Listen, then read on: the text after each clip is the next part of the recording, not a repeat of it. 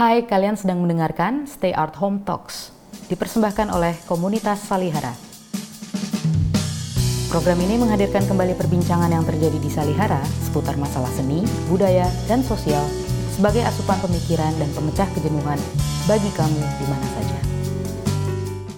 Jadi pandangan Bung Karno tentang Islam sebetulnya senternya bukan pada ajaran Islam.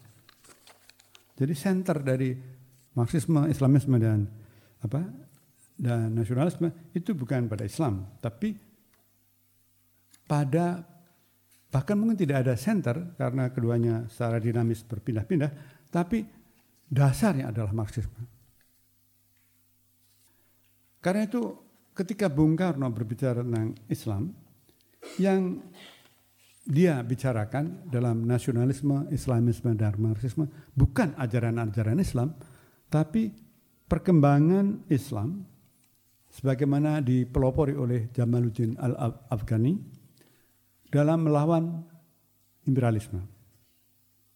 Uh, dan yang menarik dari uraian Bung Karno mengenai Jamaluddin Al-Afghani adalah kutipannya bahwa untuk melawan Barat, kaum Islam harus mengambil tekniknya kemajuan Barat dan mempelajari rahasia-rahasianya kekuasaan Barat.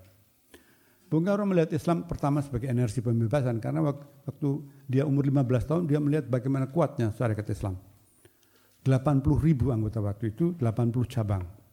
Dan Cokro Aminoto itu figur yang luar biasa sehingga kadang-kadang disebut Ratu Adil.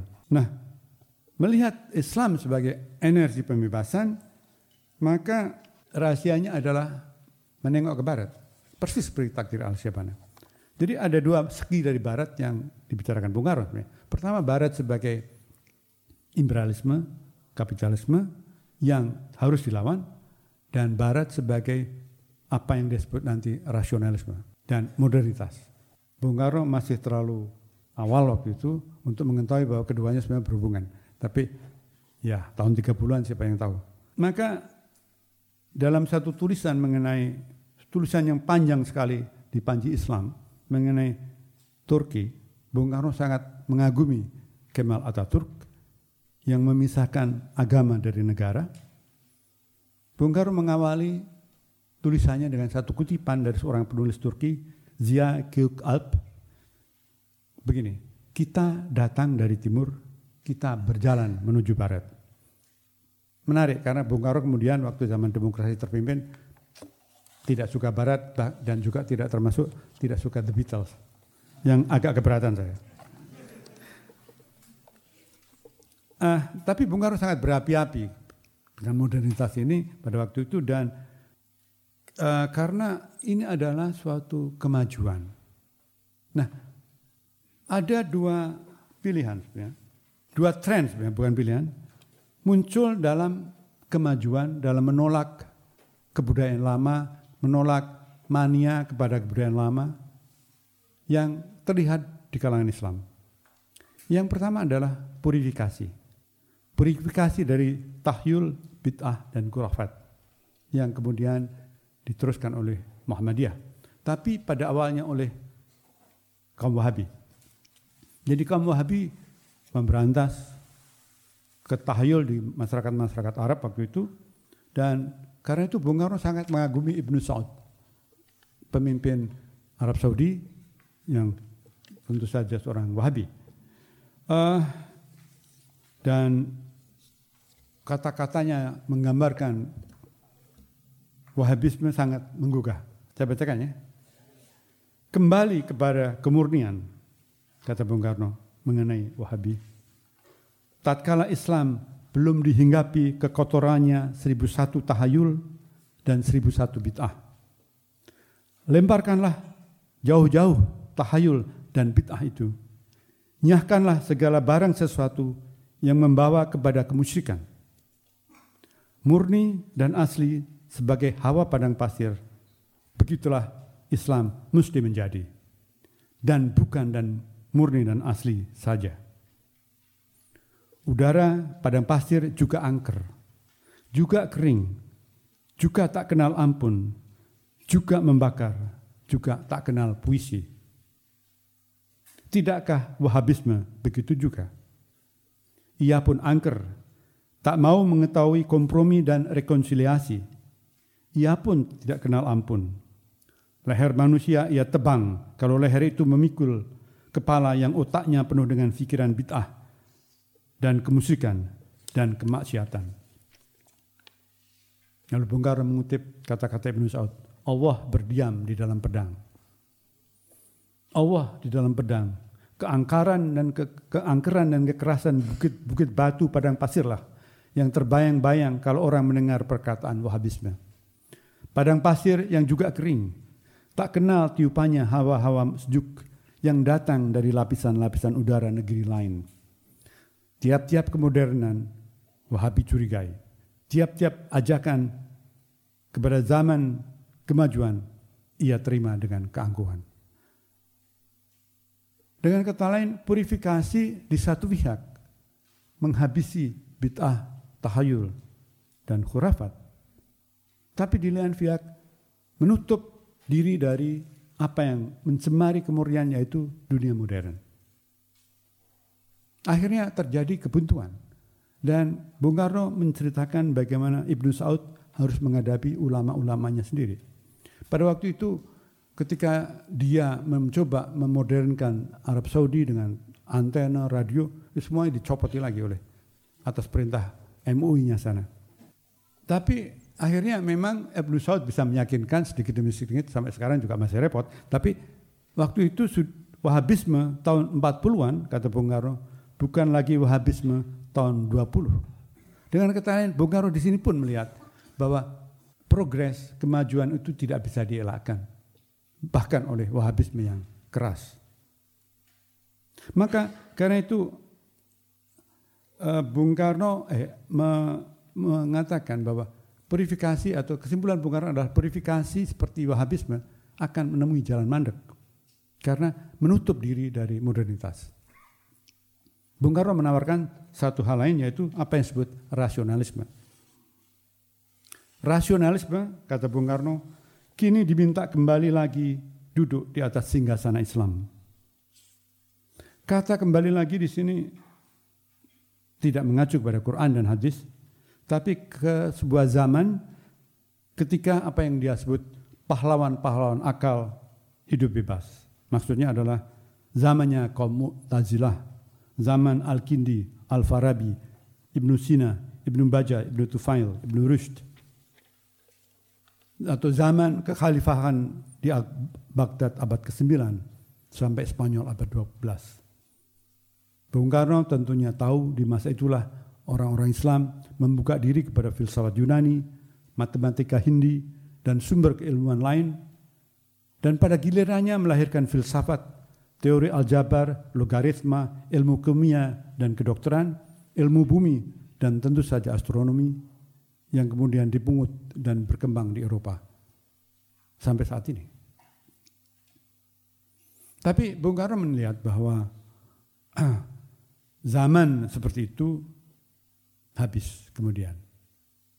Dari bacaan dia, penyebabnya adalah menguatnya yang saya sebut haluan sifat sifatiyah yang dipelopori oleh Abdul Hasan al-As'ari. Sejak berkembangnya As'arisme, dan itu berarti di abad ke-9, kata Bung Karno, akal menjadi terkutuklah di ingatan umat. Paham ini menjadi pangkal, pokok pangkalnya taklidisme di dalam Islam. Juga kependetaan di dalam Islam. Sejak itu, kata Bung Karno, Islam bukan lagi satu agama yang boleh difikirkan secara merdeka, tetapi menjadi monopolinya kaum fakih dan tarikat. Eh, kata-kata uh, yang sangat tajam yang mungkin kalau sampai sekarang dikatakan pun bisa dibunuh. Uh, kalau di Afghanistan, uh, kalau di Indonesia kan enggak. Sebetulnya dengan mengatakan begitu ada kritik saya pada Bung Karno. Dia mengherankan bahwa dia percaya bahwa Asy'ari, Asy'ari, Asy'arisme faham Asy'ariyah ini mematikan pemikiran Islam. Karena sebagai seorang Marxis, sebetulnya dia harus melihat sejarah bukan pertempuran antara ide-ide. Tidak mungkin ide mematikan suatu perkembangan sejarah kalau tidak ada kekuatan-kekuatan ekonomi, sosial, politik yang mendukung itu. Lagi pula tidak benar sebetulnya bahwa Islam beku akalnya selama seribu tahun. Sebab tidak mungkin satu faham, satu haluan dapat menciptakan sebuah sejarah yang bertahan lama. Dalam catatan sejarah, dunia Islam terus melanjutkan vitalitasnya di abad ke-12 di Spanyol, kita saya sebut tadi, Ibnu Rushd misalnya. Di abad ke-15, Turki Utsmani meluaskan kekuasaannya ke Balkan dan merebut Konstantinopel, bahkan mengepung Wina untuk kedua kalinya. Pada abad ke-17, di India, raja-raja Mughal menghasilkan sastra, teater, dan arsitektur yang mengagumi, mengagumkan sampai sekarang. Misalnya Taj Mahal. Di Iran, filosof seperti Mullah Sadra membangun mazhab Is Isfahan. Kemerosotan dunia Islam, tapi tidak hanya Islam dunia, dimulai ketika perlayaran mulai direbut oleh negara-negara Eropa. Dan uh, yang kemudian perdagangan internasional yang sangat menguntungkan dalam uh, rempah-rempah sehingga Pulau Banda menjadi salah satu pusat perhatian dunia. Uh, semacam waktu itu rempah-rempah itu semacam minyak zaman sekarang Sebab kalau tanpa rempah-rempah, segala makanan di Eropa itu akan mengalami problem. Nah, orang ke sana dan perdagangan itu sangat menguntungkan, sangat lukratif, dan mulailah dunia ketiga, Cina, dan macam-macam, termasuk dunia Islam, terdesak. Uh, jadi sebetulnya tidak benar bahwa akal bisa dimatikan oleh satu ide, satu masyarakat. Dan di sini memang Bung Karno uh, lebih berbicara sebagai seorang dengan suara seorang advokasi, penganjur dari kema ke kemajuan dan kebebasan berpikir, tapi bukan sebagai seorang analis, bahkan dia meninggalkan pemikiran marxismenya yang melihat dunia tidak dari pertempuran ide-ide. Dan ketika dia menganjurkan rasionalisme, dia tidak melihat bahwa rasionalisme punya problem. Rasionalisme itu sebetulnya tidak ada hubungannya dengan pandangan sejarah sebagai perubahan. Rasionalisme itu kan berdasar pada pendirian bahwa kebenaran itu a priori, tidak berdasarkan pengalaman, tidak berdasarkan empiris. Empiris itu bukan ukuran kebenaran. Ukuran kebenaran adalah rasio yang bebas dari empiri. Nah, kalau demikian maka perubahan tidak karena yang empiris itu selalu berubah. Seperti saya katakan tadi yang materi juga selalu berubah. Maka rasionalisme tidak begitu tidak ada hubungan dengan perubahan. Bahkan dalam perkembangan yang kemudian dikritik oleh Max Weber, uh, timbul apa disebut akal instrumental. Zweck rationaliteit, yaitu akal yang mengalahkan, yang mencari efisiensi produktivitas, yang mengalahkan alam, yang membuat alam karena untuk dikalahkan kan harus dihentikan, digrabs, dikomprehend, ditangkap, tidak dibolehkan mengalir. Nah itulah rasionalisme yang sebenarnya tidak sifatnya bisa konservatif.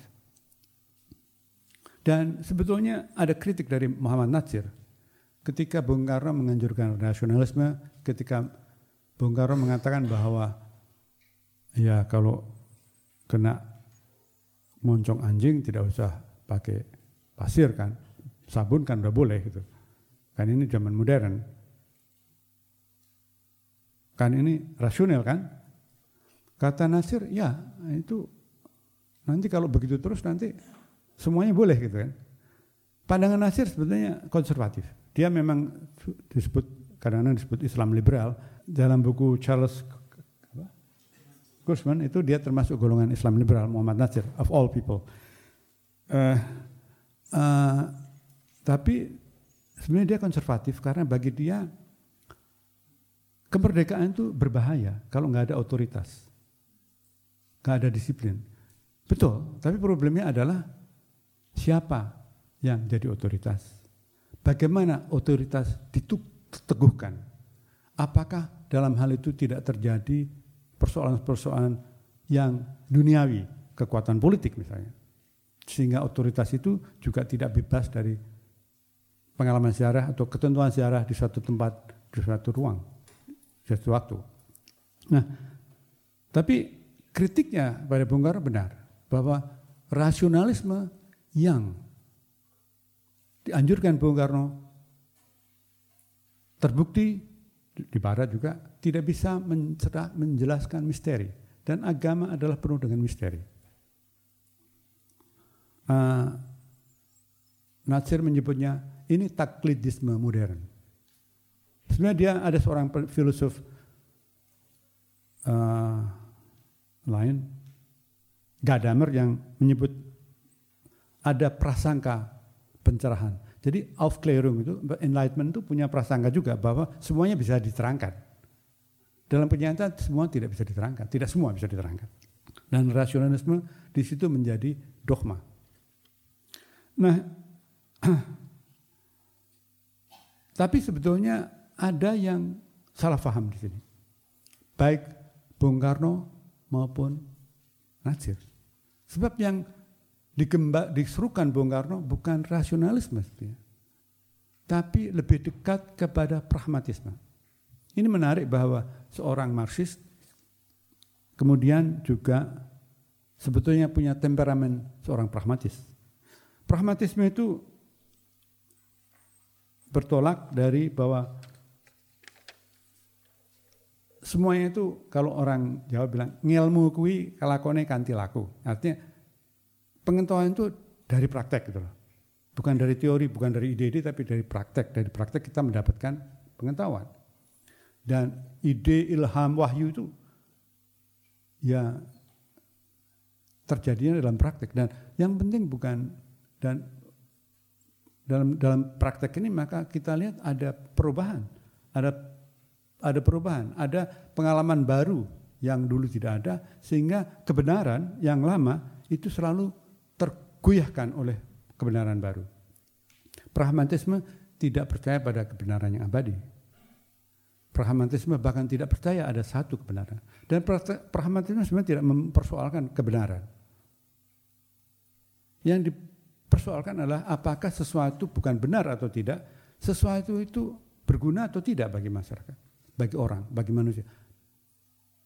Uh, agak simplistis, tapi begitulah kira-kira bahwa yang penting bukan benar atau tidak, tapi bermanfaat atau tidak.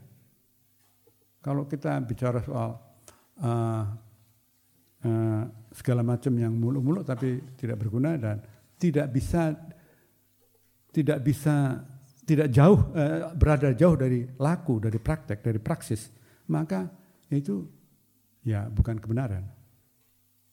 Yang bukan kebenaran, tapi bukan sesuatu yang harus direpotkan.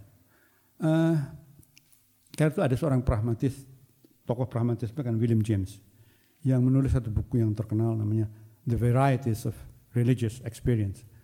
Katanya yang penting adalah varieties, bukan hanya satu, tapi variasi-variasi dari pengalaman religius. Dia mencatat, merekam, dan membahas pengalaman religius banyak orang. Di situ persoalannya bukan adalah benar atau tidak pengalaman religius ini apakah ada malaikat atau tidak atau Tuhan, tapi bahwa orang itu menjadi sehat, bahagia, dunia menjadi lebih baik bagi dia dan bagi sekitarnya, maka itu itulah yang menjadi nilai utama. Nah, tapi juga dengan demikian pragmatisme uh, apa ya? Uh, seperti saya katakan tadi, karena tidak bertolak dari tidak berdasarkan asumsi adanya kebenaran yang uh, kekal dan tunggal, dia selalu terbuka pada kebenaran dan itulah sebetulnya, sebetulnya yang dianjurkan Bung Karno. Uh, saya kutip satu kata-kata Bung Karno, satu kalimat yang menurut saya merupakan statement pragmatisme par excellence. Uh, Islam, kata Bung Karno, tidak akan dapat hidup hampir 1400 tahun kalau hukum-hukumnya tidak seperti karet. Nah, kata karet ini adalah terjemahan Bung Karno dari kata-kata Said Amir Ali, elasticity of the laws. Karena bahasa Indonesia waktu itu sangat sederhana dan Bung Karno harus berbicara sederhana kepada orang lain, maka diterjemahkan sebagai hukum seperti karet. Di zaman sekarang hukum seperti karet artinya bisa disogok kan. Uh, waktu itu maksudnya adalah elastis, fleksibel lah Hukum itu tidak kaku kata Bung Dan karena hukum Islam tidak kaku katanya, Islam bisa berlanjut sampai 1400 tahun lebih. Islam tidak akan bisa meninggalkan suasana abad pertama tatkala manusia tidak kenal lain kendaraan melainkan onta dan kuda, tak kenal lain senjata melainkan pedang dan panah, tak kenal lain alam melainkan alamnya pedang pasir. Kalau hukum-hukumnya tidak seperti karet. Zaman beredar, kebutuhan manusia berubah. Pantare. Maka pengertian manusia tentang hukum-hukum itu adalah berubah pula. Kata Pantare dia kutip dari Herakleitos, orang penulis filosof Yunani yang mengatakan bahwa semuanya selalu mengalir seperti air sungai. Tidak ada satu titik air yang berada di tempat dua kali, mengalir terus. Nah, zaman adalah seperti itu dan karena itu ajaran-ajaran harus menyesuaikan diri dan dengan arus itu kalau tidak akan membeku dan mati. Ini adalah suatu tesis pragmatisme yang yang sangat jelas. Nah, memang apa hubungannya dengan Marxisme? Marxisme sebenarnya mengandung unsur pragmatisme juga sebab uh, Marxisme tidak berdasarkan ide tapi berdasarkan praksis. Manusia itu membentuk kesadarannya karena praksis, bukan karena kesadaran sudah ada dari wahyu, tapi dari pengalaman, dari praksis. Uh, bedanya dengan pragmatisme adalah bahwa Marxisme akhirnya percaya pada kemutlakannya sendiri. Marxisme berasumsi bahwa dia adalah ilmiah dan karena ilmiah tidak bisa salah. Kenyataannya Marxisme bisa salah. Nah, yang perlu dihadapi oleh agama adalah bukan Marxisme yang bisa salah. Bagaimana menghadapi statement dari pragmatisme yang mengatakan bahwa Zaman bergerak terus. Tafsir bagaimana? Apakah akan tetap? Kembali ke Quran dan hadis, kepada kitab suci, purifikasi, seperti juga di kalangan Kristen. Kembalinya itu apakah bukan tafsir juga? Bahwa saya menafsirkan hal lain, hal ini seperti seolah-olah ini. Yang murni apakah dugaan itu bukan tafsir saya juga? Dan apakah itu tidak ditentukan oleh zaman saya? Ini persoalannya akan dihadapi oleh agama sebenarnya. Sia-sia saja kalau kita terus berdosa beribadat ada Tuhan atau tidak. Karena rasionalisme tidak bisa menjawab kedua-duanya. Kita tidak bisa, mereka tidak bisa, bisa membuktikan bahwa Tuhan ada, tapi juga tidak bisa membuktikan bahwa Tuhan tidak ada. Bagi kaum pragmatis adalah, kenapa sih dipersoalkan? Yang penting kan ya kita damai gitu kan.